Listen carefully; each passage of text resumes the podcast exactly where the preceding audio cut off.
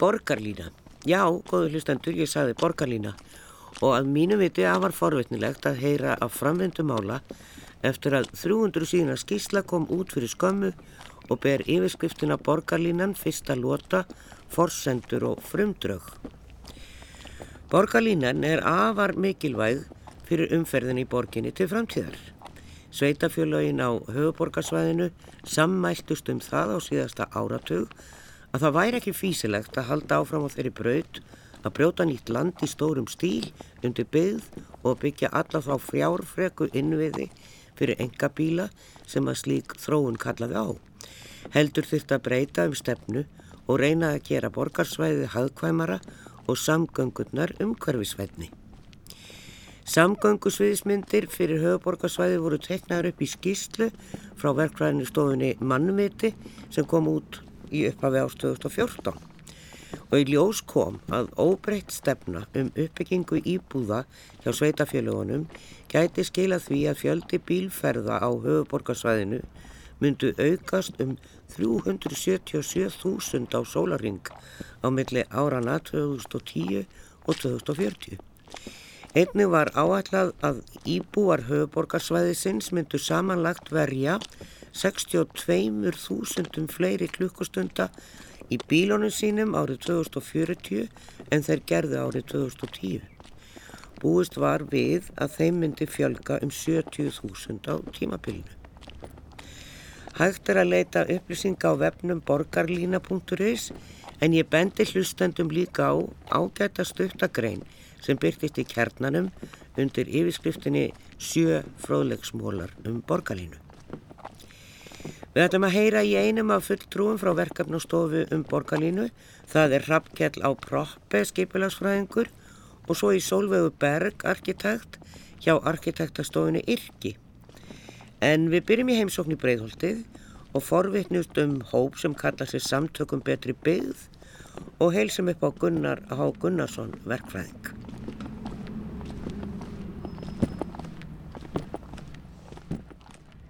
Það er mísant hvað fólk hefur mikið áhuga á borgarlínunni sem er fyrst á sveia og aðrir eru bara mjög hrifnir og þetta er svolítið kynsluðaskipti.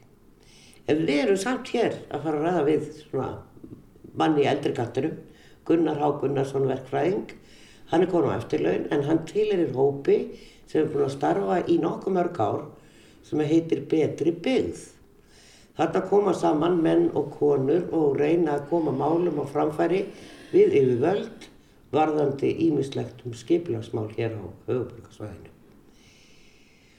Og þið hafið náttúrulega skipt ykkur aðeins að borgarlinni, Gunnar, það er ekki rétt hjá mér. Jó, ég ætla að fá að bæta örlitlu viðvarandi samtökum metrbyggð. Já. Þau voru stopnuð fyrir hér en byrj nákvæmlega 22 árum. Fyrsta stóra verkefni var að berjast fyrir því að, að láta kjósum flugöllin og hann var kosin í börn og við vorum mjög duglega í þeirri kostningabaratu samtökum metrbyggð og eh, síðan var hann kosin í börn og átt að vera farin 2016 og nú er 2020 ég, ég 2021 sko. Já, fyrirgjöðu þannig að ég ætla ekki að segja mikið meira um það. Það, það segir náttúrulega að við erum óanað hvað hægt gengur. Þessi flugvöldur er hann er svolítið höfverkur en hann er þannig já, já, já. Og, og, og við, sko, þið talir svolítið um þannig betri byggð að hefði hann farið á sínum tíma þá væri hægt að breyta þeirri þróun sem að borgarlínan er kannski svolítið að leggja upp með að það er að byggja þjætt með fram henni. Við hefum alltaf verið hlindir hérna bætt um almenningssamgangu svo það sé sagt strax. Þetta er ekki, ekki neins samtök gegn almenningssamgangu nema síðu sé. En það hangjar á spýtunni núna eh, þegar það er verið að tala um þessa borgarlínu eins og hún er fyrirhauð að þetta er eins og svona eitthvað slags fjárvistasönnun fyrir því að þurfa að byggja í Vasmíri það sé þetta þjætta meðfram borgarlinni. En hún á að liggja á lokum upp í Mosulsveit, Breiðholt og Söður í Hafnahörð. Og það er bara að vera fyrst og fremst að tala núna um áfanga eitt, eitt eða fyrst. Fyrst áfanga já, já. Við erum hrættur um að þetta verði festist í sessi þannig að menn haldi áfram að byggja meðfram borgarlinni og í 15-20 ára hvað þetta nú er og og telli sér þá vera lausir allra mála í Vasmíri og það þurfi ekki að hafa ágjör að því að flugullurinn fari ekki.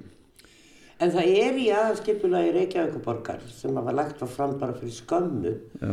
eh, til 2040 sem við ekki frá, frá 30 til 40. Þar er gert ráð fyrir því að flugvöldurinn fari. Já, sem betur fyrir er ekki alveg lokað á það. Þetta er rosalega loðið allt saman. Það er alls það samningar uh, í gangi og, og, og undirritaður uh, millir ríkis og borgar. Það er sem sagt, uh, það var Hanna Birna skrifaði undir fyrir hand ríkisins og Jónar og Dagur fyrir hand borgarinnar þegar Hanna Birna var á þeirra, mann ekki nákvæmlega hvernig það var, 2013 okkur sluðis. Og þá var gert ráð fyrir að hálfur flugurinn farið 2022 og hálfur 2024 og þessi, það var ekkert, þessum samningi hefur ekkert verið sagt upp, þannig hann, það er þarna gildi ímsir samningar og samkómulag sem, sem stangast á. Hanna Birna og Jóngnar og Dagur gerðu samkómulum að flugvöldurinn hefði færi og þá náttúrulega er þið byggt þarna hressilega því þetta er besti staður á Íslandi til að byggja, byggja, byggja þétt. En þetta hangir á því að það finnist annar, annað jafngott flugvallarstæði og það er alveg örgulega búið að finna það í kvassarönni rétt fyrir sunnan hafnafjörð. En það er svo mikill hérna, skrýpaleikur í kringum þetta allt saman að menn þykist ekki þekkja veðrinu og vel þar og það á að rannsaka það bara næstu árin þanga til, já, þanga til að ríkið er búið að fá nóg og vill endilega fá flugvallarna eitthvað flugis, ég manna. Þetta er bara afsökun, hún- bjánalega afsökun. Það er, það er alveg að vita hvernig veðrið er þarna.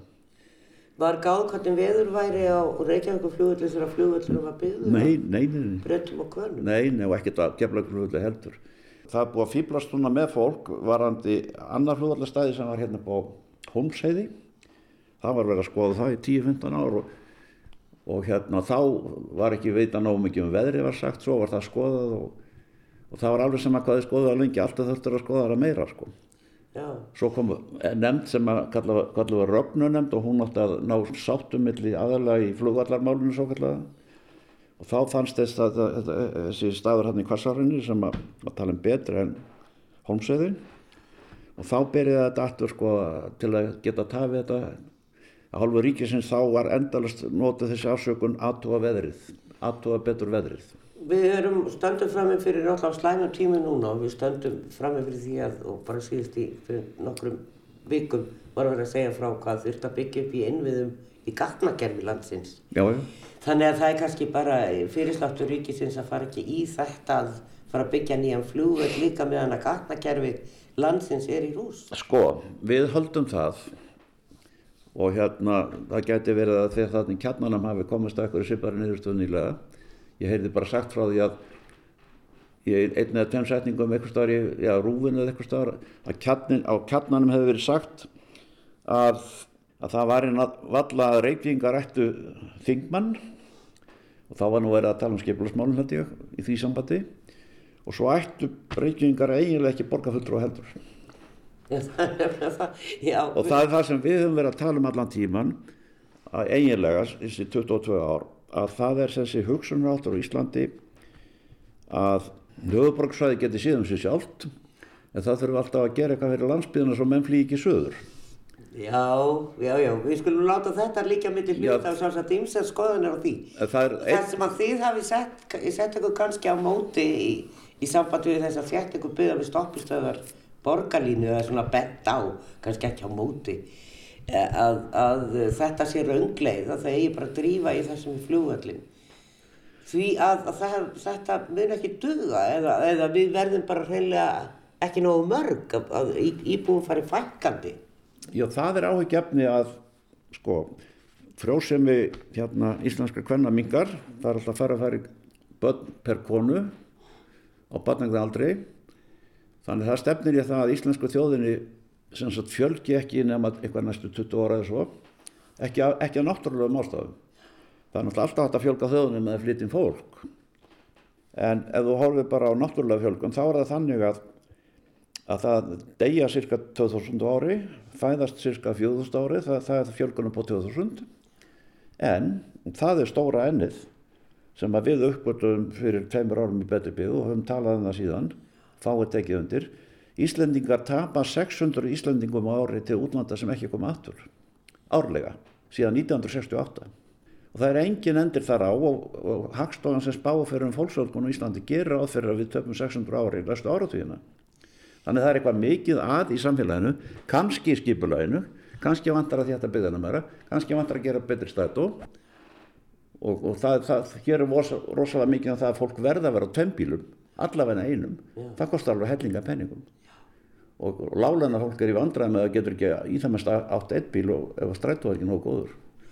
Það er hvers vegna sem að er verið að leggja í þessa vegferð sem er, er mjög dýr og og kostnæður er alls ekkert orðin ljós í, í samband við alla framkantir til dæmis eru vagnarkaupin ekki inn í þessari fjárhásáallin og ekki hver, hvernig hann keiri keirir hann á metani eða rafmagni eða, eða hvernig það verður þetta kemur í ljós. Já, já. en samt er meiningin að not, klára fyrsta áfanga uh, fyrir þannig að það verður byrjað að keira eftir þessum sérlínum 2025 Já. hvort sem að nýju vagnar verða komnir eða ekki já, þá verðum við bara með gaflu vagnar á þeim línum Já, já, sko, til þess að kannski að skýra þetta örliti betur út hérna heldur en hefur verið í fjölmjölum hinga til þessi, þessar, þessi skoðanaskipti og já, hvað maður segja, áttökum það hvað, hvernig ég að, hvernig ég að byggja upp höfuborgsvæðið og þar meðal kemur, þar kemur borgarleina náttúrulega inn, inn í mikið núna eins og er, það er mikið verið að ræða hana. Það er eiginlega þrjá stefnur í þessu. Fyrsta lagi stefna meirulhuttanins í Reykjavík ásamt meirulhuttanum í öllum sveitafélagum hérna kring. Það er það sem búið er að samþykja og samningar við ríkið. Síðan hefur verið mikil gaggrinni frá mönnum, svona frá hægri kannski, í mokkanum. Og ég vil hlera hjá þeim hver er þeirra framtíðar sín varðandi höfuborgsvæðið. Af því að mér finnst vanta hjá þeim að þeir tala mjög stert gegn borgarlínu og benda á alls að skafang á henn og hún er, verði mjög dýr og það fjölgi ekkert mikið fólkinu sem takir strætt og, og, og, og svo framvegis, strengja enga bílum og svona. Og þá spyrir maður sig, er þetta eina sem þeir hafa skoðun á varðandi borgar, borgarskipulega eða höfuborgarskipulega ég það verðist vera, en það náttúrulega gengur ekkert upp að hafa bara skoðun á einum part af öllu sísteminu sko. Það hangir saman skipulega á umferðinni og hvar við byggjum húsin. Þess að spyrja einn af þessum mönum ég kann ekki vel nefna nafni þess að ég var ekki búin að fá leifu til þess en að ég þekkja bara persónulega. Já ég sé svona, er það rétt skilja á mér að þið þarna í þessum lauslega hópið þarna sem skrifar í mokkan að ykkar framtíða sín varðandi höfburgsvæðið sé svona mild útgáfa af amerískri bílaborg, enga bílaborg? Mm. þá er það já, já, það má eiginlega segja það. Já, ég held það, já.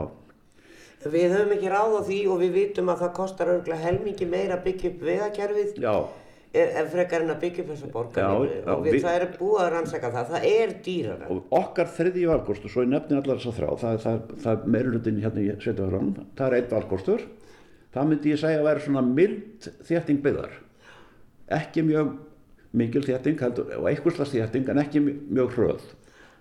Á svona borgarlínu þessi þarna hópur í mokkanum það er sem sagt amerisk bílaborg og ekki borgarlina, þetta er enga bílina á Já. og svona bara einhver gammaldags liðlugu strætó við erum að tala um rótæka þéttingu byggðar og þá þarf flugöldurinn að fara burt.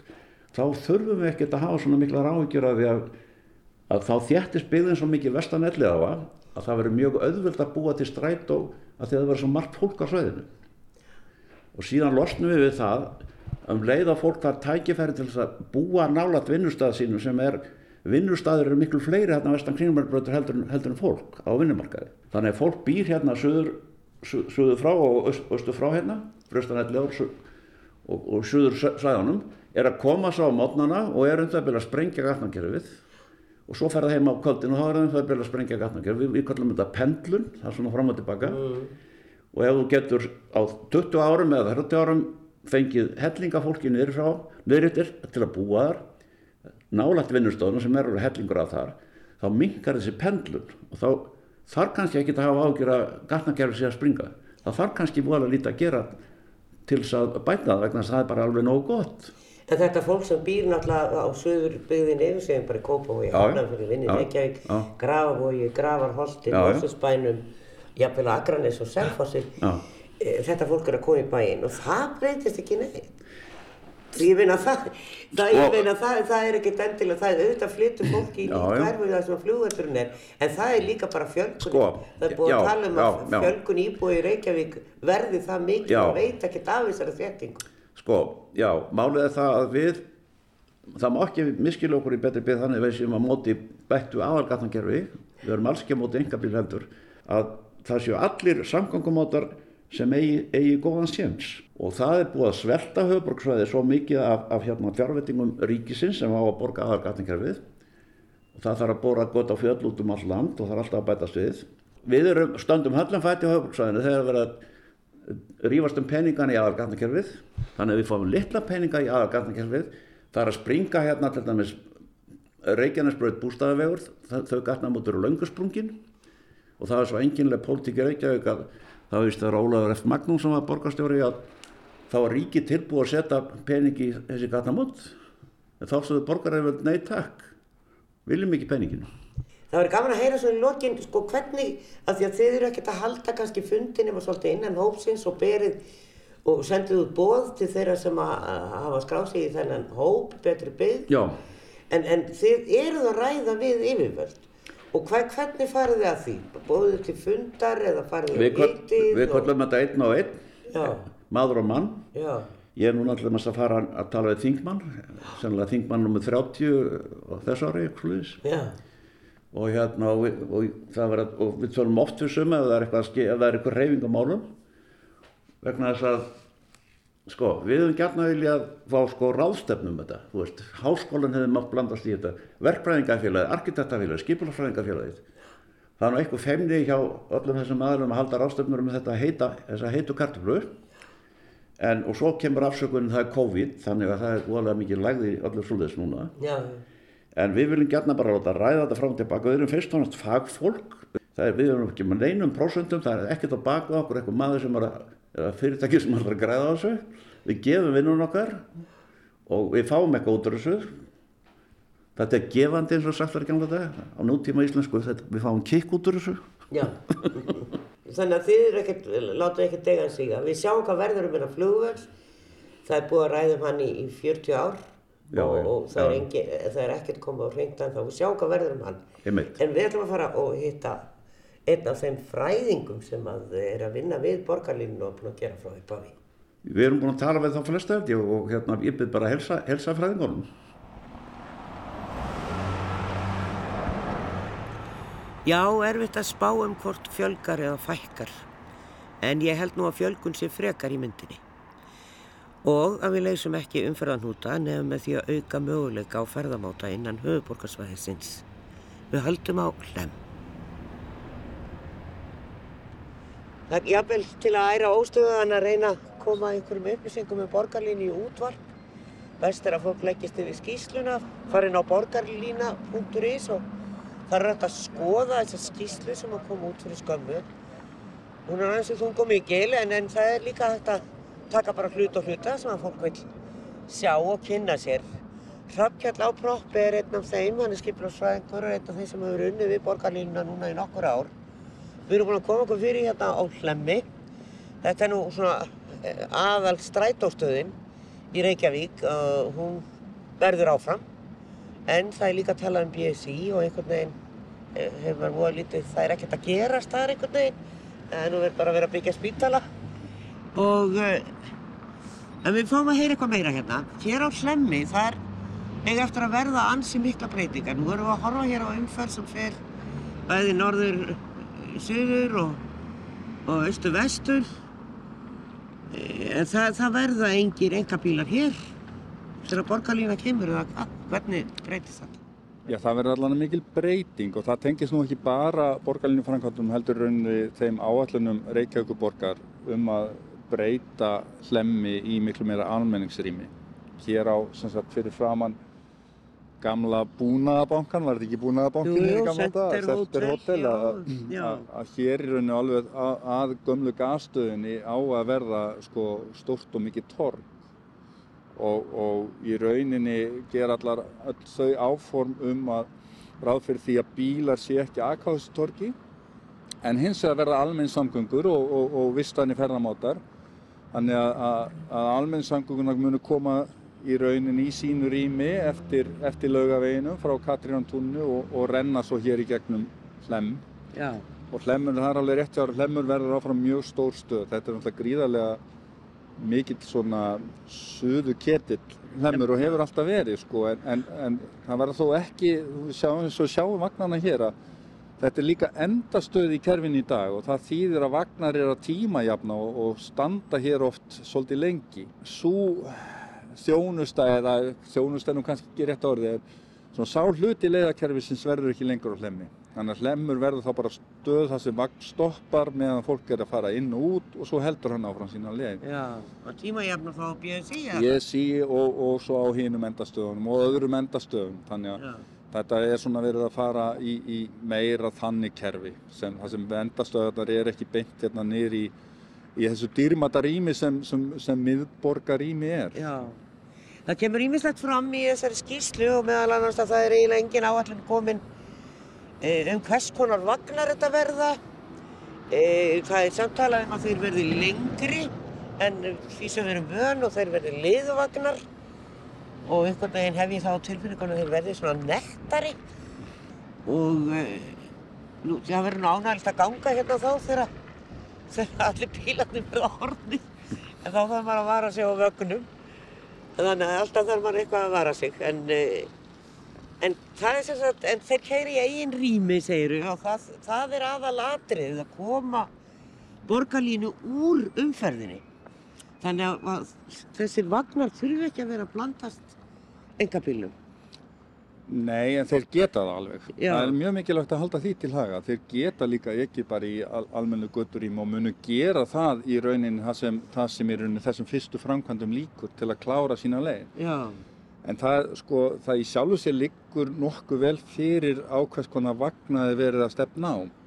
Eh, Það er nokkuð, nokkuð fyrirmyndi sem við höfum þar út um víða veröld, meðal annars Malmö Expressen í, í, í Malmö og, og í Kaupmannahöfn eru vagnar og, og þetta er rauninni allt þránteimin nýlega komnir svona vagnar. Við náttúrulega þurfum að skilgreina það í hönnuna forsendunum hvers konar fartæki þurfa að geta ekið þarna um. Þannig að við miðum við að, að alltaf 24 metra tveggja liða vagnar geti í framtíðinni ekki um. En eins og er alveg líklegt að svona fyrsta áratögi munu einsliðs vagn duga og það er nú venjulega svona endingatímin á svona vögnum og, og alla jafna í kringum okkur er, er þetta ekki hluti að stopp fjárfestingunni.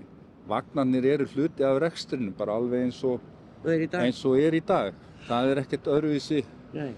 öðruvísi með, með þennan þessar almenningssamgöngur eða, eða bara strætóleiðina sem ekki í dag. Já, það er nú margir sem að, enn þá sem, sem ég skil nú ekki fyrst og sveigja við borgarlínu en þetta er bara svona loslagslega séð og, og bara umferðarlega séð þá er þetta bara bráðnöðsileg framkvæm að, breyta hér ferðamátum borgarbúa og annara sem að koma til borgarinnar. Þannig að það sé hægt að liðka fyrir þeirri umferð sem er þó. Og það er enginn að banna hann og hún verður áfram. Og hún verður áfram alveg ærin er í vitsum Jú, það Já, er einmitt ágætis punktur sko. Það, það bara sá vöks, við okkur er að fjölga um jafnaði 90 manns á viku. Já, Þannig að, að það er bara eins og kæmi núna, alveg stappfullu strætó hérna, nummer 6, já, bara hleypti út það sem væri standandi á millisæta.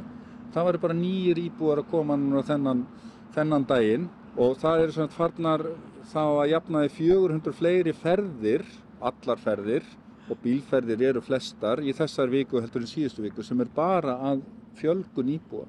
Já. Þannig að það er vöxtur uh, í öllum samgöngum og gríðarlega mikilvægt að við dreifum álæginu með öðrum hætt en hefur verið fram til þessa. já. Og þá þurfum við innviðið, þurfum betri aðstæðu fyrir gangandi hjólandi og betri aðstæðu fyrir góðar almennsangum.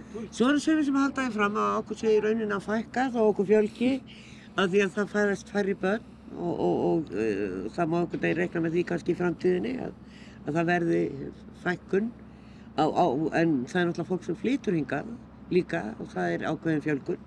Jú, akkurat, ég minna það er orðið 15% þjóðarinnar er, er, er rauninni með nýtt ríkisfang uh, eða, eða erlend ríkisfang sem er komið hérna nýjir íbúar getur við sagt. Já, Nú langa langaði minn kom hér einu sinni sem, sem, sem erlendur uh, ríkisborgari og, og, og svo hef, hefur hérna hans, hans afkomendur uh, dreift sér hér um alla koppagrundir þannig að þetta er nú, mannkynnin er nú samt ennþá að fjölga og, og, og borgirnar er að draga til sín uh, fullt af fólki bæði það sem fæðist inn í hverju landi og svo líka milli landa. Skulum við alltaf aðeins hérna lengra upp úr af því að hér, það er svolítið vítt og breytt hér við hlem og maður sér alveg möguleika á að, að bæta við akreinum hér svolítið. En svo þegar við komum hér ofar á lögavegin að þá er þetta bara fram og tilbaka. Já, þú sér líka bara hvað hvað í rauninni akrein. fer mikið pláss í bíla í dag Já. og ég hjóla talsveit mikið og það er til þess mjög erfitt í dag að hjóla þennan búta lögavegin. Já. Það er erfitt annarkost að, þrengja þér inn á gangstétta sem er eftir fullt af fólki eða þá að vera í þessu, þessu erfiða göturými sem er ekkert fyrir alla, það svona meira fyrir strísmennina sem, sem hérna Já, er á sem- sem er- reysinunum. Já. sem að maður skítrættu við í rauninni. En uh, já, hérna sem sagt er, það er náttúrulega svona eiga hérna á milli agreina. Hérna kæmi vagnin niður í miðjunni, af því mér langaði svolítið að spyrja þau um það. Það er meiningin að að sumstaðar mm að þá verður borgarlína í miðri götu. það sem við sæjum, það sem er og kannski rétt að árétta í, í upphafi að, að í frumdröfum eru fyrstu tillögur. Og þær kunna alveg að þróast eitthvað og, og við erum mikið að kalla eftir því að fólk komi með áhyggjurnar sínar, ábendingar, aðrar hugmyndir ef einhver eru. Og við tökum bara glöð á móti þeim á, á borgarlínan.is og síðan munum við vinna úr þeim á næsta hönnastígi. En, en tillögurna gera ráð fyrir því í rauninni og það er bara í samræmi við það deilisgildandi deilisskipulag sem borgin er þegar búin að gera að, að, að þessi hluti laugavegarins sé ekki fyrir bílaumferð. Þannig að svo breyta er alveg úr þessari jöfnu og þú sér bara hvað myndast mikið pláss með því að horfa hérna yfir götuna. Að bílarnir sem eru núna langsum hér eftir götunni á stæðum að þeir eru ekki þá lengur til staðar og hægt að nýta rýmið þá betur til þess að búa til þá jafnframt sérrýmið sem er þá ekkert annað en rauninni þrengri gata en við erum að horfa á í dag og, og í rauninni eh, sérstaka hjólarinnar. Sko, við horfum hérna á bíl í hverju einasta stæði. Já. Þetta eru íbúður, þetta eru íbúður. Einmitt. Hvað, hvað á þetta fólk að gera? Hér er, verða, verður aðgangur að, að- að bílastæðum í, í grendinni. Já. Það verður að koma að húsum hérna í, í- og þetta verður alltaf hægt að komast með, með sko neyðarbíla og, og, og, og þjónustu og slíkt að. Það verður, það þarf alltaf að tryggja það. En þetta er rauninni kannski bara alveg eins og, og við sjáum víða er að gerast í miðborguna að það verður áherslu breyting fyrir 100 árum voringibílar, þeir komu svo og svo eru þeir svona smá saman að, að, að fá minna pláss í miðborginni það sem er svo mikið að bara gangandi og, og það, þú þarft að nýta plássið með betri hætti. Við erum eins og, eins og staðan er núna, þá erum við með næsta bílastæðahús hérna niður í Stjörnuporti. Eh, Ég veit ekki alveg, það er alltaf fullt af nýjum blokkum hérna í Holtanum og bakvið. Svo er Já, svo er höfðatorkinu og svo við, uh, svo, svo liggur fyrir að, að það eru breytinga framundan á, á lauruglustöðalóðinni og það, er, það eru ennþá svæði hér svona í grendinni sem eru í, í einhverju þróun. Sko, þegar ég hugsa aftur og bak frá því ég var tíu ára á þangað til í dag, þá er ímfistar breyst í borginni. En það er ekki jafn mikið eins og er að gerast þessa dagan á næstu 20 ári. Það eru rosalega svona breytingar á örar. Bara Já. með þessu að, að koma upp uh, samgangukerfi sem að, á að fúkera til framtíðar. Einmitt. Sem, sem alvöru hágæða almenni samgöngukerfi. Það, bara það og, og uppbyggingin í kringum það allt saman er held ég meiri breyting á Reykjavík heldur en ég hef lífað á allri æfin. Já, Lísa, við erum svo ung, við, en, en þetta er kannski að einhverju leiti ekkert ósambarlegt og svo stóra breyting sem var lögð hér svona á millisýrsárun. Þegar rauninni aðalskipulaði 62 kemur og, og, og með þær stóru áherslur um að, um að íta íbúabyðinni svolítið í útkverfin og, og, og, og vera með sem tryggja góðar tengingar á milli, milli heimilis og vinnustöða með bíl. Já. Ég hugsa að spyrja sig að við vorum nú að tala um í miðjunni, ég hugsa að spyrja sig margir af hverju í miðjunni. Hva, hva, hver er kosturinn með því? Við höfum verið að horfa í rauninni bara til alþjóðlega hönnaregla og, og hvernig nágranna lönd okkar eru, eru að vinna svona verkefni. Þannig að, að, að það er eiginlega, það er fyrst og fremst tvennt sem er, er dreigið fram í miðjunni. Annars vegar er það að, að fækka þeim snertiflötum þar sem, uh, þar sem bílar, bílaumferð er að þvera borgarlinubrautir. Þannig að, fækka þá núningsflötum á milli annars vegar bíla og almenningssamgangna Og svo er þetta líka bara umferðarörgislegt atriði fyrir gangandi fólk að þegar það gengur þá inn á stöð sem er í miðju að þá þarftu bara að fara yfir eina, þvera einn umferðarströðum í rauninni í einu. Já. Og, og sem þyrtir rauninni eða þú ætlar að ná vagnir sem væri hinum með einu og við gagstæða gangstétta þá þyrtur rauninni að þvera báðar báðagrinnar. Þannig að þetta er þetta, þessi tven, þetta tvent sem svona er, er, er fyrst og fremst ástæðan á baku við miðunni. Það er verið að uh, svona klára sem sagt að koma með tillögur og annað þó þessu enna kalla eftir gaggrínu og öðru á fyrsta áfanga sem ég, ég er búin að tryggja á hérna margsinnis í þessum tækti. Það er frá Hamraborg í Kópavogi yfir Kastusbrúna eða Fossóksbrúna, það sem fólk vil kalla þá brú svo skil ég ekki alveg hvað gerist þar þegar vagnin er komin yfir brúna Já. og það eru meiningin að byggja upp uh, að háskólafólkið, það eru mm -hmm. tveir stórir háskólar, það er spítali, þetta er fjöldi vinnustæða og, og nema á, alla daga. Já. Hann fer að háskólanum í Reykjavík Jú. og fer svo upp á BSI eða hvað? Nei, hann í rauninni sko í HR, þeir eru nú að með áformum að stækka skólan og vilja mjög gert að byggja er unni yfir stöð sem er því mjög spennandi kostur. Já. Þá er það líka þeir sem er að koma hjólandi því að við erum allstaðar að leggja til hjólareinar með fram að þeir koma bengt inn en hann fer unni inn á valsvæði svo kalla, inn á Arnarlíð sem er þegar, þegar er komin. Í hlýðarendakverfinu, hlýðarendakverfinu og, og þar eiginlega upp á Snorrabrautinu Þannig að það er á eftir að byggja eitthvað Já, það er rauninni hlut, vestasti hlutin af miklabrautastofnum sem er í samgöngusáttmálunum. Hann snýst á um að laga þessi gatnamót bústæðaðegar og snorabrautar og búa þá líka til rými þannig að, þannig að e, borgarlinnan kemst upp á snorabraut og í gegnum landsbyttalunofina og með stöði nýja meðferðarkjarnar og síðan áfram upp á Háskóla Íslands. Upp á Háskóla Íslands. Og við skoðum það sérstaklega með háskólan hvort að það myndi fylgja þessari leið sem er almennt farin í dag, sem þetta stoppa við þjóðmennasafni við, við ringbröðina, en niðurstað okkar var að það væri betra að þjónusta háskólasvæði ennþá betur og þannig að við förum njarðagötuna, sturlugötu og suðugötu og þannig niður í, niður að, að, að, í kosina.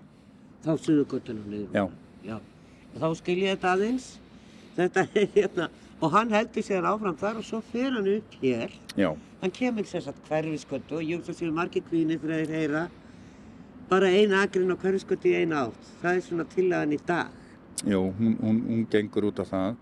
Og, og að í rauninni að gefa almennsangöngu betra rými og draga úr bílaðumferð á hverfisköttunni og uh, það er líka margir, við búum nú reynda svo vel að það er nýbúið að, að, að undirbyggja alla hverjaskötuna þannig að það, þetta er, er mjög létt framkvæmt þar. Uh, og, en, en hverjaskatan er þá líka verður betur búinn fyrir, fyrir gangandi hjólandi en hún er í dag. Og þetta er þá í, er fyrir umferðinu upp eftir eða niður til á hverjaskötu sem sagt enga bílinn? Já, mér minnir á nú ég þurfti það helst að fletta þessu upp en minn er hún, hún kemur upp þetta, hún gerir austur átt. Já. Nákvæmlega frá miðbærum og upp úr. Já. Svo er alltaf sæbröndin fyrir neðan og það er verður.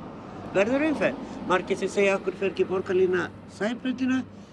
Ég sem er strætamanniski, ég skilja mjög vel, það er ekki hvergi eins ógæslegt að býða eftir strætó eða fara í og úr strætó eins og sæbröndinu. Það er oft mikið rók og guldist. Nei, og svo er... Það er ekki hægt að bjóða um það. Nei, nei, og svo er það líka, sko, við, ef þú dregur bara svona ring utan um stöðina, þá ertu með halvan ringin út í sjó, sko, þannig að, þannig að þú ert bara að ná hálfring í rauninni göngufæri frá, frá stöðinni, sem er svolítið eh, vond nýting.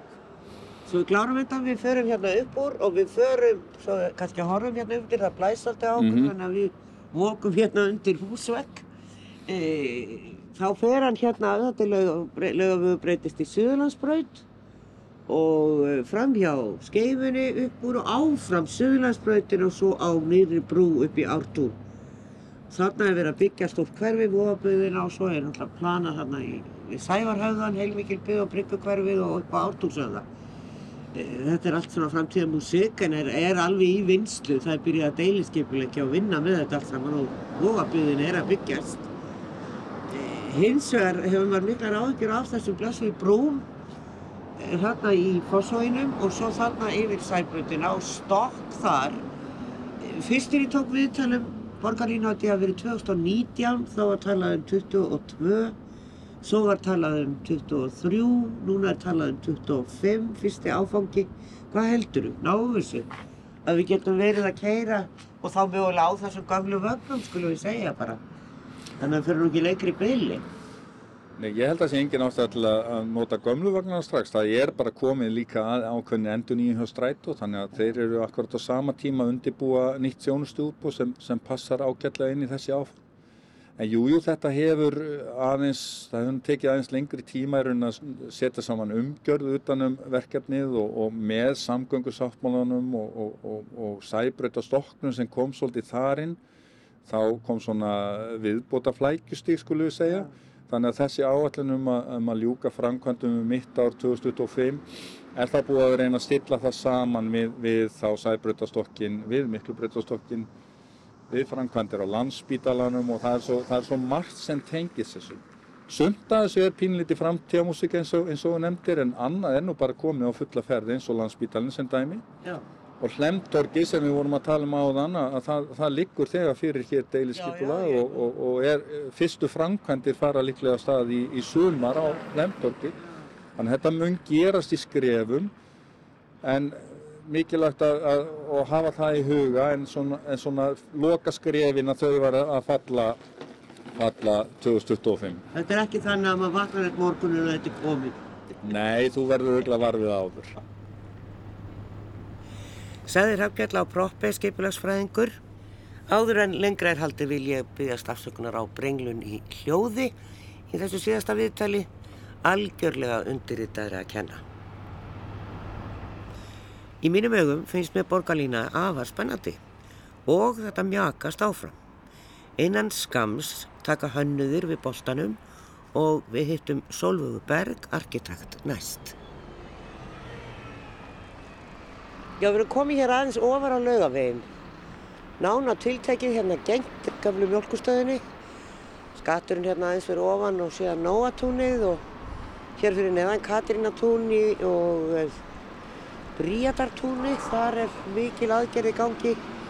Ég búið að rýfa váhúsið og verið að móka burt þar heilum haugum af eh, steipu. En eh, með mér hér er Solveig Berg, arkitekt hjá arkitektastofunni Yrki. En nýlega bættust í hóp þeirra sem er að hanna borgarlínu. Já, þetta var samkjæfni, þetta voru þrýr hópar sem að tóku þátt og hópur sem að Yrki tilheyrir fekk verkefnið og það er svona, hvað er þessi hópur að fara að gefa? Já, þessi hópur er að fara að taka, hérna, taka fyrir fyrstu, fyrsta áfanga í, í borgarlínu verkefni öllu sem eru 14,6 km af eh, sagt, nýjum vegafrankandum og, og, hérna, og, og staðsetningu borgarlínu brautar og hún nær alveg frá, hérna, frá ártúnshöfðanum og í gegnum miðbæinn og út í, í Hamraborg. Og þá meðfram háskólanum og... Já, meðfram eða jáfnvel í gegnum háskólasvæði, það er svona aðeins óljóst með þessu stíi og svo verður, sem sagt, fer hún yfir fórsvægin, það er ekki hluti þessu verkefni, það er fórsvægsbrúin sem að mun uh, tengja saman uh, sem sagt, uh, borgarlín og borgarlín kemst yfir frá, frá Reykjavík og yfir í Kópavók. Við erum hérna með laugavegin, kannski fyrst, hverjir er hverju eru aðrir í þessum hópi sem að, að því að yrkið er bara á hann, þetta eru marga stofur. Já, þetta eru tvær íslenskar eh, hérna, stofur, annars vegar við, Irki, og síðan er nýtt verkvæðstofa sem hefur áralanga reynslu af uh, allskynns gatna gerð og hönnun, brúar hönnun líka. Og síðan er, er sagt, stærsti aðlinn í hóknum er Artelia sem er, er upprunlega franst fyrirtæki en er í dag alþjóðlegt verkvæði fyrirtæki. Og síðan er það Móe sem er verkvæði stofa í, í Danmörku sem er hluti af Artelia og síðan er Dönsk arkitektarstofa sem hefur mikla reynslu af verkefnum af þessu tægi sem heitir Gottlíf Paludan. Það er nefnilega það. Það er kannski, er full ástæða fyrir okkur Íslandinga að leita út fyrir landsteinana í svona gríðarlega stóru verkefni og svona óvennilegu. Í þessu verkefni er það alveg ljóst að, að þetta er, uh, þarna þarf að koma til kunnotta sem er ekki til eins og er á Íslandi. Þannig að það verða að koma til sérfræðingar sem hafa haft reynslaði að hanna svona eh, borgarlínu uh, framkvæmdir og uh, en, en það er hins vegar mjög mikil áherslu að lögða það hjá verkkaupanum íslenska að það séu innlendarstofu líka þannig að þekkingin færist yfir í, í sagt, á meðan á verkinu stendur þannig að, að þekkingin færist yfir á íslenskar hendur líka. Já, og svo er náttúrulega staðhættir og annað sem að þið hafið fram yfir þess að hlutinga. Já, við höfum náttúrulega Nýtverkvæðarstofa hefur með reynslu af allir gatnagerð og, og slíku og við erum með reynslu af landslagsönnun og, og arkitektúr og, og líka skiplags, hérna, skiplagsfræði þannig að það, þetta tvinnast allt saman og verður hluti af menginu. Við erum hér á miðjum degi og það er gríðarlega umferð hérna á lögaveginum niður í og upp úr Katrinatúninu og niður að Hlemmi og upp allan lögavegin strætóar ganga hérna hver á fætur öðrum uppur og niður úr. Og svona þegar ég var að býða eftir þér og var að skoða hérna af því að hér fyrir ofan og sem að breytist náttúrulega í Suðurlandsbröð e, þá er meiningin er það ekki að e, borgarlína verði í miðju Já, það er svona mest af hlutana leiðinni þá á borgarlínan að vera með sér, sér svæði í miðju uh, vegarins og síðan er sagt, umferð akandi á sittkura hliðina og það sem, það sem að hérna, og, þe og þetta er það sem að hérna er lagt upp með og er, er vennilega gert. Þetta hérna þykir hvað best í best sem útfæsla en það sem verður náttúrulega líka gert að það verður göngu og hjólastíðakerfi verður hanna samhliða, það er mjög mikilvægt að það hérna sé mjög hérna vel gert og tengingin við, við borgarlínu stöðarna sé þannig þannig tryggða að, að bæði gangand og hjólandi geti nota borgarlínu stöðarnar.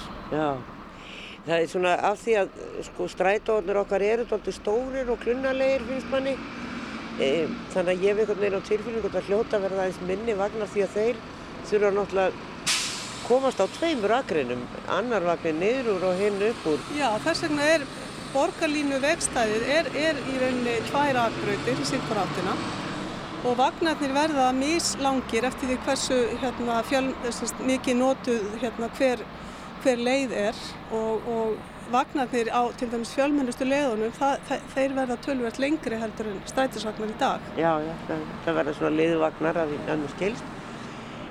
En samt einhvern veginn þegar maður hugsaður það að komi hérna niður fyrir og þá hlítur það er náttúrulega ekki meiningin að það verði almenna umferð hérna frá Katarínatúni, altså engabílsins e, og niður að hlemmi. Það eru einungis vagnar sem að fá að akka þá leið þannig að þeir sem eru hér á engabílnum þeir þurfa að beigja hérna nýri í Katrinatún eða nýri í Nóatún. Já, það passar. Það er á stökustad þar sem þrengslinn eru hvað mest að það er eingöngu pláss fyrir borgarlínu, hérna, borgarlínuna og, og síðan gangand og hjólandi. Já. Þannig að þetta er eitt dæmi um það. Þegar við horfum hérna uppi til að því að veit Svolítið að þú og, og þín stofa yrki er að vinna deiliskeipula hér fyrir heklurreitin og þetta er eiginlega bara ljótast að hotni í bænum hérna, nóatúr lögafur. Það er, er alveg komið í því líka niðurníslu og, og það er náttúrulega gerir engin neitt við þetta meðan það, það er vita að það á að rýfa eitthvað af þessum húsum og kannski mörg þeirra eru alls ekki eh, hægt að breyta bílaverstæð og annað sem að tilheyrði heklum. Já, sko heklurreiturinn samkvæmt okkar tillögu og okkar uh, úrvinnslu, uh, þar, það verða engungu nýjar byggingar og það sem er núna á svæðinu uh, verður allt rifið og það er kannski þess vegna sem að byggingarna bera þess merkja að það hefur ekki verið eitt miklu í viðhald vegna þess að þetta er náttúrulega verkefni sem að, sem að verður vonandi Já. að, að En það er ennþá verið að vinna í því. það er ennþá verið að vinna í því og, og við bara vonumst þess að það verði á, verði ofan á Já, bara mjög fljótlega. Eh, Sko þetta er að því að þið eru svona að fara í svolítið setni hönnun á borgarlínunni. Það búið að, plana og leggja yfir því núna í nokkur ár hvernig hún mögulega kemur til með að liggja í borgarlandinu og hinnum bæjarfélagunum í kring. En þetta er bara fyrsti áfangi. Hvað tilherir ykkar hönnun? Eru skíli og, og allt þetta sem fylgir þessu, er það í ykkar höndum líka? Já, sko það sem búið er að gera, það er búið að búa til uh, mjög uh, nákvæma og góða skýslu af hendi verkaupa sem að hérna, lýsir í mjög miklum smáatriðum bara hvernig, hvernig þetta á að verða allt saman. Bæði, bæði veg, vegurinn og, og, og borgarlínu leiðin og eins stöðvarnar og hvar þær eru staðsettar. En það sem er í okkar verkarhing verður að hanna stöðvarnar og svæðin kringum stöðvarnar og síðan uh, hönnun á bara þeim brautum sem að liggja á millistöðana Og gödugögnum? og götugögnum og öllu slíku og það sem að er líka í þessu sem verður líka heilmikil hérna, áskorun að það þarf að fara í gegnum alla leiðslu sem liggja í jörðu og, og sem sagt, eh, það sem tilheri veitu, það þarf að fara vel yfir það allt og, og þannig að þetta er heilmikil vinna sem er eftir. Eh, Þetta er rauninni bara þessi, þessi detail hönnun sem að er stendur núna fyrir dyrum. Já. Er þetta spennandi verkefni að því að arkitektastofur svona flestar eru nú ekki mikið að hanna gatnakerfin ef svona kannski rétt í kringum já, gera það náttúrulega vera deiliskypulegja hverfi en, en, en annars ekki, ekki mikið að hugsa um það. Nei, við munum eh, hérna mjög lítið koma því. Það er í höndu verkfræðingana að einmitt að taka fyrir göturnar og hvernig þær vera byggðar upp og það sem gerist undir þeim og hvað verður lagfært þar. Það sem að snýr meira okkur er, eh, sagt, eru stöðvarnar og svæðin í kringum það og svo það sem má ekki gleyma því að, að tilgangur með borgarlínu og það sem í rauninni er svona auka afurð af borgarlínu stöðvarnum að í kringum þau svæði verður til algjörlega nýtt borgarumhverfi og heilmikil áskorun í því hvernig maður gerir þau þessi svæði sem best úr gardi.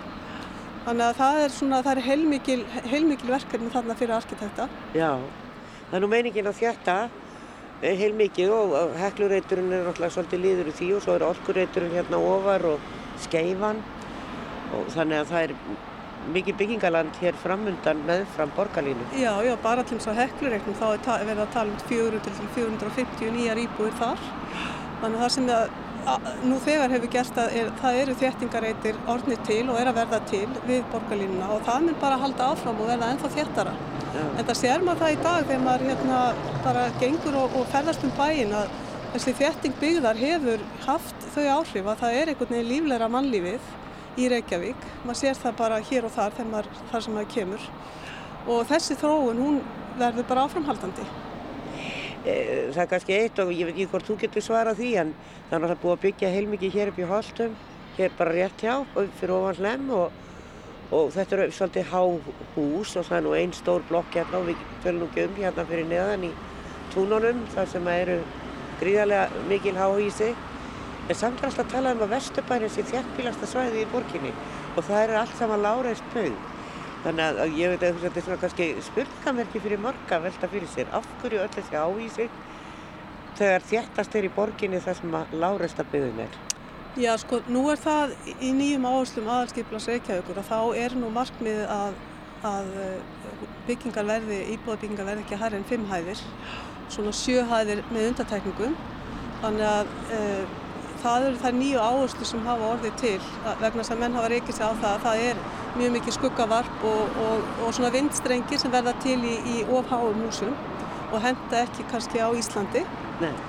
Þannig að það er, það er alveg skýra línur hvað það varðar í, í hérna áherslum borgarinnar. Þannig að þetta á kannski eftir að breytast við erum ekki að fá ykkur á tíu hefða blokkir hérna uppi. Nei, það, það er ekki, það er alls ekki þannig. Það er heldur búið, Já. tíu hæðablokkir. Það verða ekki byggðar. Hefur þú trú á sig að þetta verði svona við keirum um á borgarlínu 2025? Ég held að við munum gera það og ég held að næsta kynnslóð á eftir okkur það er hérna kynnslóðin sem að mun hérna fagna þessu meira heldur en kannski eldri eldra fólk en það er það kynsluðan sem á að taka við en, en ég held að þetta sé bara óhjálpæmilegt því að bara mannfjöldarspár hér á, á Reykjavíkursvæðinu það myndu aldrei anna bílakerfinu engungu eða bílakerfinu myndi aldrei anna því engungu vegna þess að þá eru þau bara allstaðar hérna, umferðarteppur þess vegna er þetta nöðsilegu liður í því að, að bara auka vægi alminnisangrana á höfuborgarsvæðinu Sagði Sólveig Berg arkitekt hjá Yrki og þar með segjum við stopp í dag. En borgarlína er alltaf á dagskrá hér í flakkinu. En þá gott til næst verði sæl.